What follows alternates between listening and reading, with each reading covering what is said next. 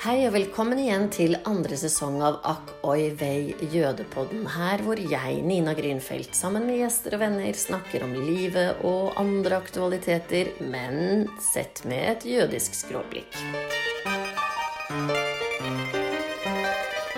I våres snakket jeg med norsk-israelske psykiater Rami Aronsson om refuseniks og kampen for å hjelpe jøder ut av Sovjet på 1970- og 80-tallet. Du kan høre den samtalen i episode nummer to. Nå er Rami tilbake i Norge med datteren og filmskaperen Michal. Og i denne episoden snakker vi om deres israelske tilhørighet og ulikhetene hos de ulike generasjonene. Og i neste episode, som kommer om en uke, så snakker vi videre om bl.a. rekonstruksjon i film og det å gå i psykoanalyse. Samtalen er på engelsk. I had you, Rami, on this pod talking about the refuseniks.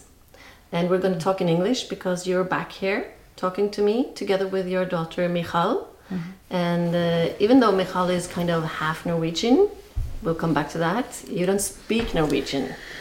Not good enough to to enjoy a conversation. so welcome to both of you, Rami and Thank Michal. You. Rami, two words. Who are you? Two words. Yeah. Okay, three. I was born in Finland, which I left when I was one year old. And I was a child in Sweden. And I came to Norway when I was six. My father was a rabbi of the Jewish community in Norway, and he was all his life on the way to Israel. And in 1959, he managed to realize his, uh, I wouldn't even call it a dream, I would call it his, his road in a way. So we all left for Israel. And um, he wanted to settle in a kibbutz, which we did. And after two years in the kibbutz and finishing high school there, but they did not allow to go to study, I returned to Norway to study medicine. And after having graduated and being up in the north for a year as a doctor, I left for uh, Jerusalem and lived there since. By profession, I'm a psychiatrist and psychoanalyst, and I spent most of my summer holidays during all these years going up to northern Norway and work as a general practitioner, as a kommunelegevikar, which is quite a central part of my identity, actually. I think that's it, more or less, and who I am.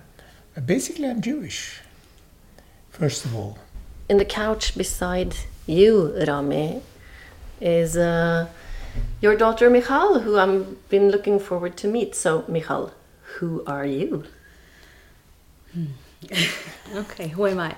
Well, I was born and raised in Jerusalem to a Norwegian father and an Iranian mother. I was raised in, um, you could say it's a religious school, or but it's like more more of um, we prayed every morning. yeah, and then when I turned 18, like most Israelis, I went to the military. And after that, I decided I want to try and see how it feels to, to be in Oslo for a while. So I came to Oslo with my uh, sister, Shira, and uh, we stayed here. I mean, I stayed here for, for a short while. I was working a little bit. I met a boyfriend here, and I decided I want to go to travel to to India. And my sister stayed in Norway and she um, found herself here and studied here nursing. And uh, she's still living here and raising her, uh, her daughter. After studying two years of Jewish philosophy, I understood that, uh, okay, I'm meeting all these beautiful texts and beautiful um, thoughts but I really want to put them into some kind of into some kind of a vessel, which meant for me film would be a good thing to, to put it into. To so you're a filmmaker. Filmmaker, yeah. You're like me. we're, bo- we're, we're colleagues. We're colleagues. Yes. Yeah. And are you working on anything currently? Any film projects as we speak? Well, I finished a really big project that took me about seven years, a documentary film called uh, The Little Things. What is it about?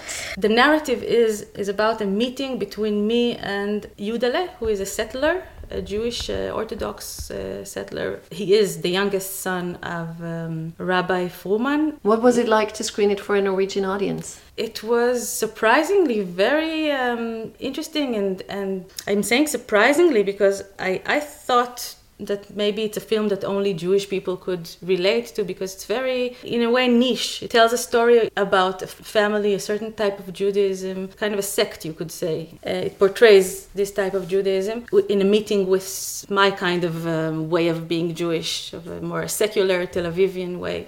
It's a meeting.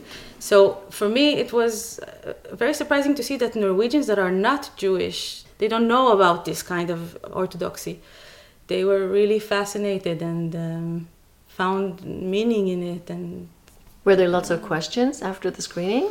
Yes, they were. That's a good sign because you know Norwegians don't often ask questions in public.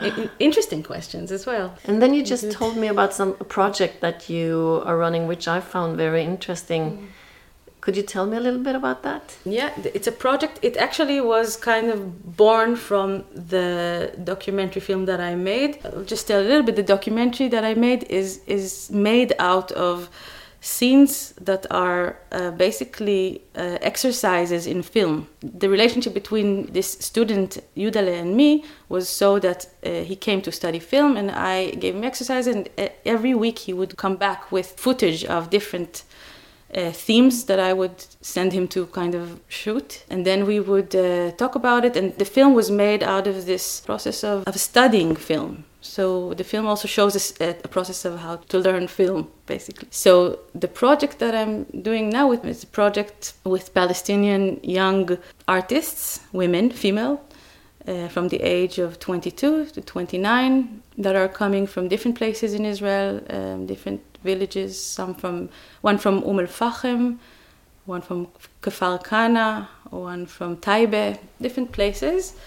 Are we talking about on also on the West Bank, or are they all from the west side of the wall? Is it like they have to travel through checkpoints in order to come to your? No, they don't have to travel through checkpoints. They are Israeli Palestinians. They are Israeli Palestinians, Muslim. So they travel uh, once a week to Tel Aviv, to my house. We meet up in my living room. In these meetings, we we talk, we meet. What do you talk about? I try to to to hear about their lives because it is very different, of course, in my life. The women in in Palestinian society they live they they live very differently than the way. Uh, the way I do. Why did you start the initiative? Because I had I had uh, another project with teenagers, and that um, was very meaningful to me. And so I thought this is this is something that I really love doing. I love this is a way I I love to meet because you know you can have all these opinions about how coexistence should be together should be and then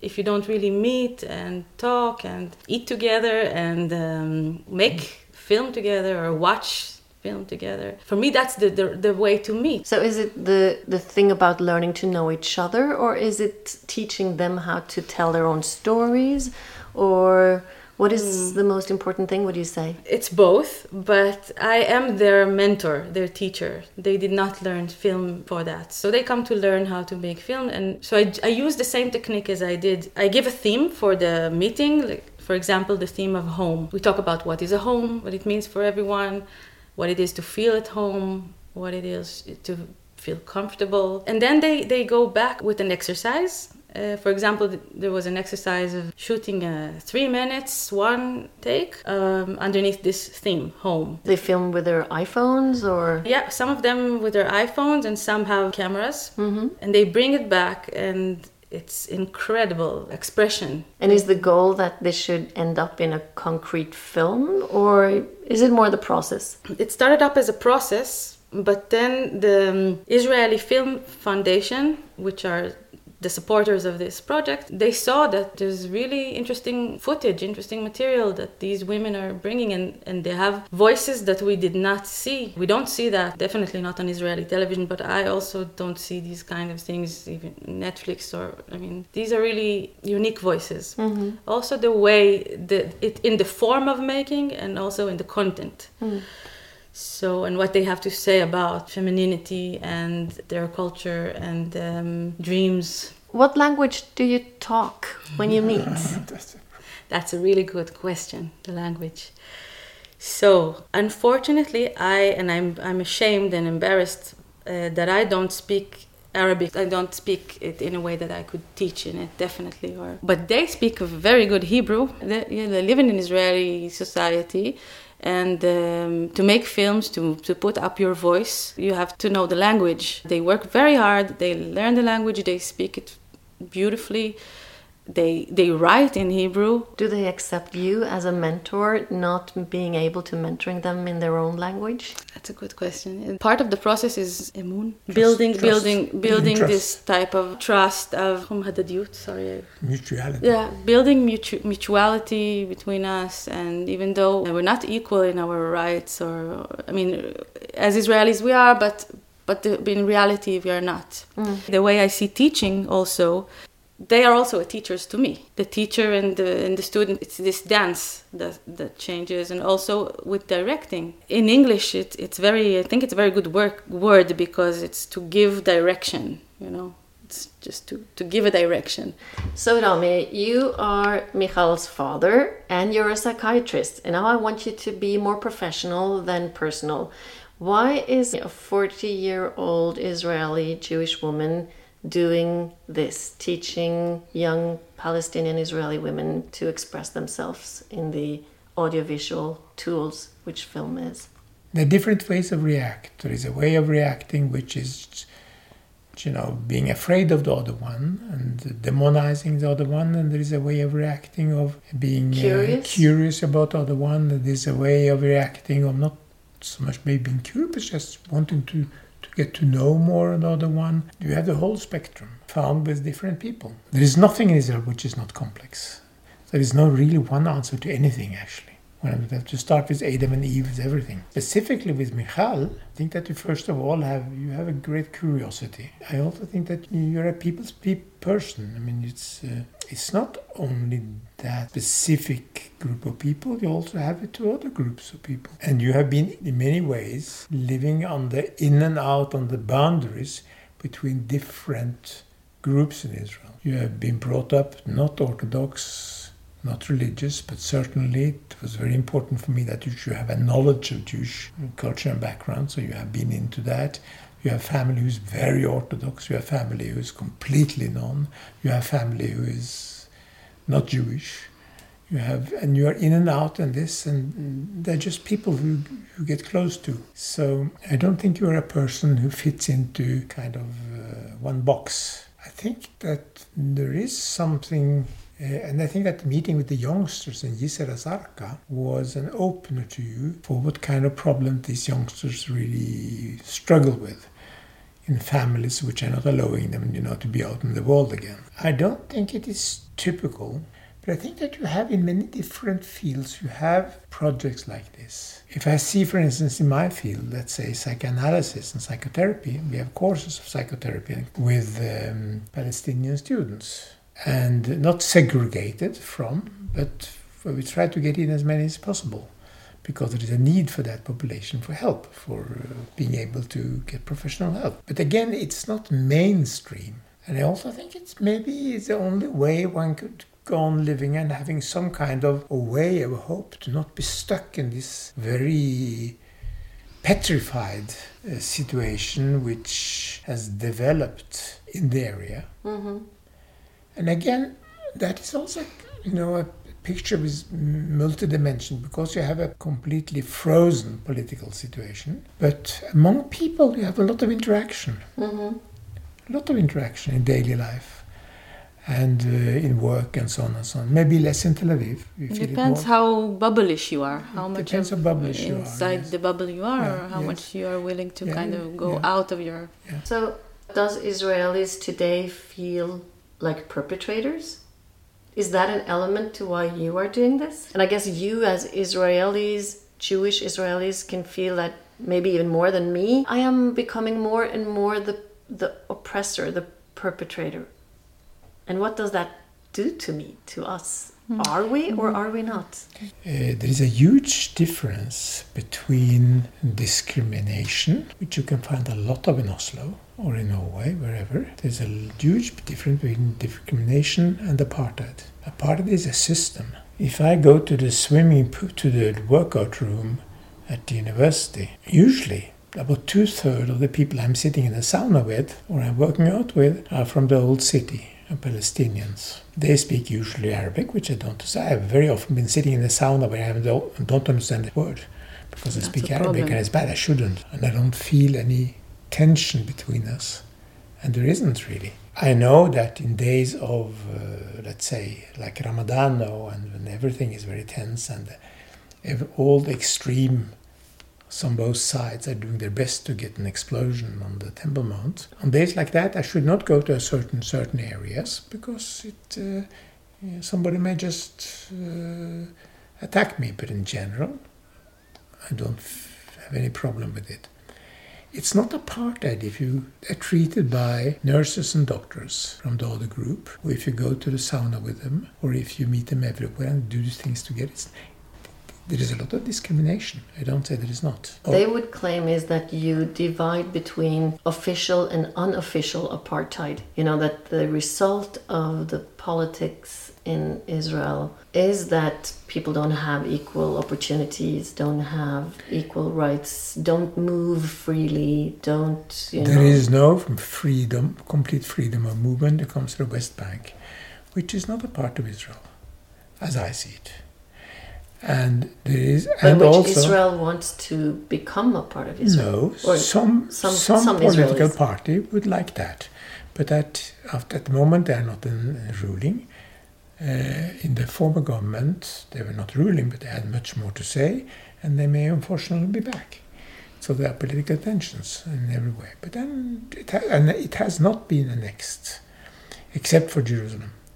And Jerusalem is a specific stories, and it's another story, really. There is a con- there is a conflict. In that conflict, there is a lot of violence. It doesn't lead to anywhere to start say who started this, and you know that's a child that you you throw the ball first and so on. And that doesn't lead anywhere. But one cannot really expect that anybody should be willing to commit suicide except a suicider. Yeah, but you could say that he has nothing to lose and. The suicider has nothing to lose. That it's okay. I mean, the suicide. You know, I'm not willing to accept that somebody should say that I should be willing to suicide just by not being careful. It's like the story. You know, I had this some days ago. Uh, I talked with her over the phone, and she asked, "Well, what happens?" I told her, "You know, well." It's a lot of unrest at the moment. There were two guys who shot four people at in the street uh, yesterday evening, and um, son and son said, "Did were they arrested?" So I said, "Are you crazy? They were killed. They were killed. Yeah. Yeah. They were killed. Of course, they were killed. One of them killed while being killed. He killed the policeman when they were shooting at each other. Mm. The policeman was also killed. It's only Norway where we arrest terrorists or you, you can't arrest a guy who has an M16 and is shooting wildly. He shot a guy. He shot well, they did on Utøya. But that that guy wanted to be arrested. He didn't shoot at the police people who came to arrest him. That's true. I think that's interesting from a Norwegian point of view. Even after Utøya, we claim, you know, that in a good society and it's healing for the collectiveness that people are being arrested and that they have a fair uh, trial and all that stuff. In France, for instance, whenever there is a terror attack, that's my theory, is that whenever the police order is to shoot the, the, the terrorist in the leg, it means between the eyes. Because they there is never a French terrorist that survives. They're killed.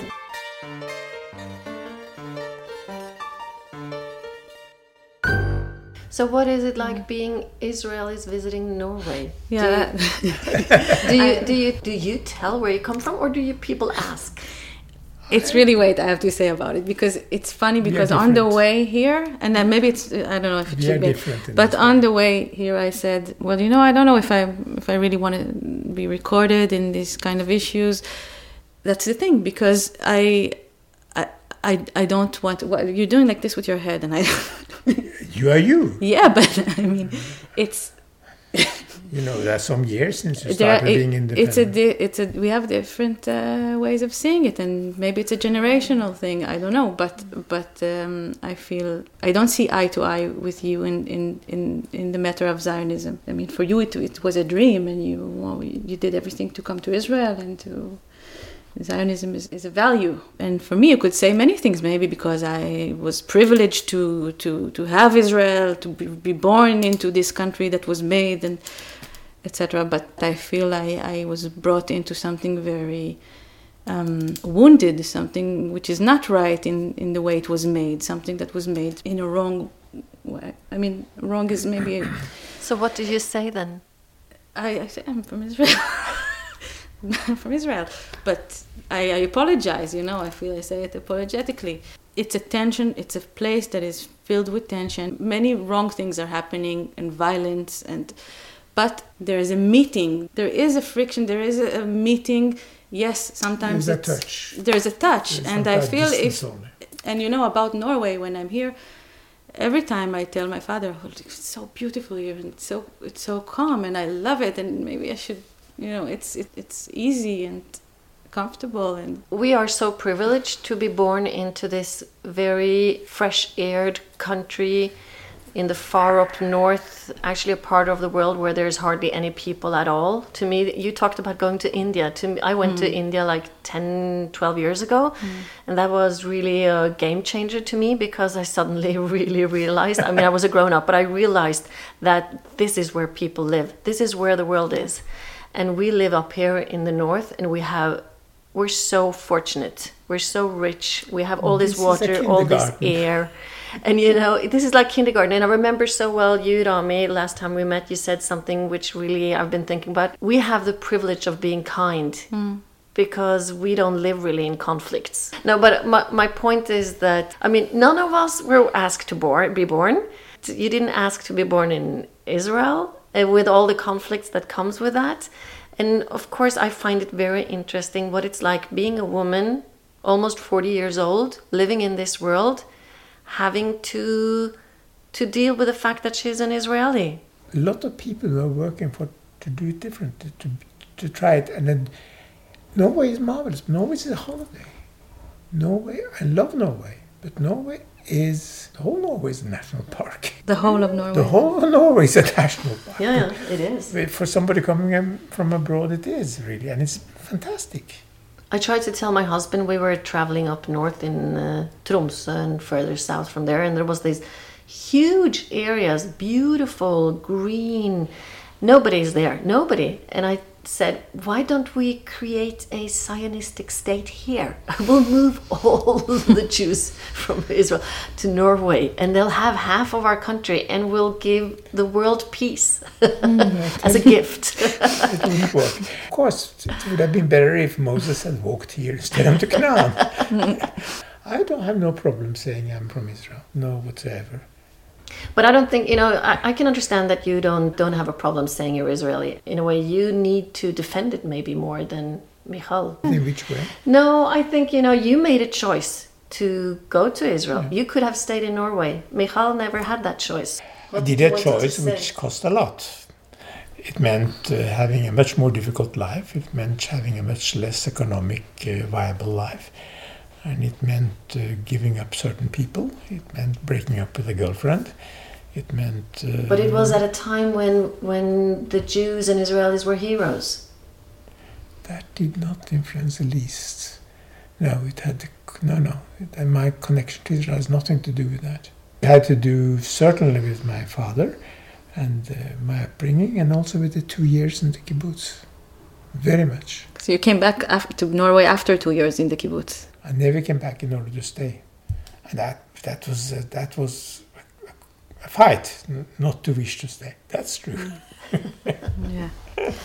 Okay, so what's your version, Michal? These words are words that I heard since I was born. Which words? these words that are are about um, building a place such as Israel after the Holocaust, about having this uh, big. Um, But you heard him talk many times about Norway or going back to Israel or I've heard you talk a lot about Norway, and you always you also been with me many many Yeah, times. in every summer Norway. since So I was a feel, child. do you feel Norwegian?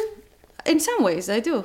I, I do because I, I well I understand the language, um, and I have been many times på fjell with my father on the mountains, and uh, every summer And I I've think. been on doctor boat in the north of Norway. in yeah in places that I think some Norwegians haven't been to, you know, and uh, uh, I feel I feel Norwegian in many ways.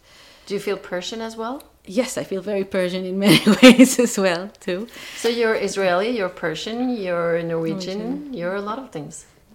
Yes, and yeah, that goes back to the question you asked way before. Why why would I do that? Why would I meet with the, this this this group of Palestinian women? What is behind it? And I I immediately immediately thought about the psychoanalytic reason that um, well, my father is from Norway, my mother is from Iran. It's really you know both sides, both different sides, east and west, you could say different languages, different mentality, different cultures, and I think um, very much in my life I was translating from Norwegian to Persian, from Persian to Norwegian, not maybe literally, but there was this movement of connecting, of binding between um, different different uh, mindsets or different cultures.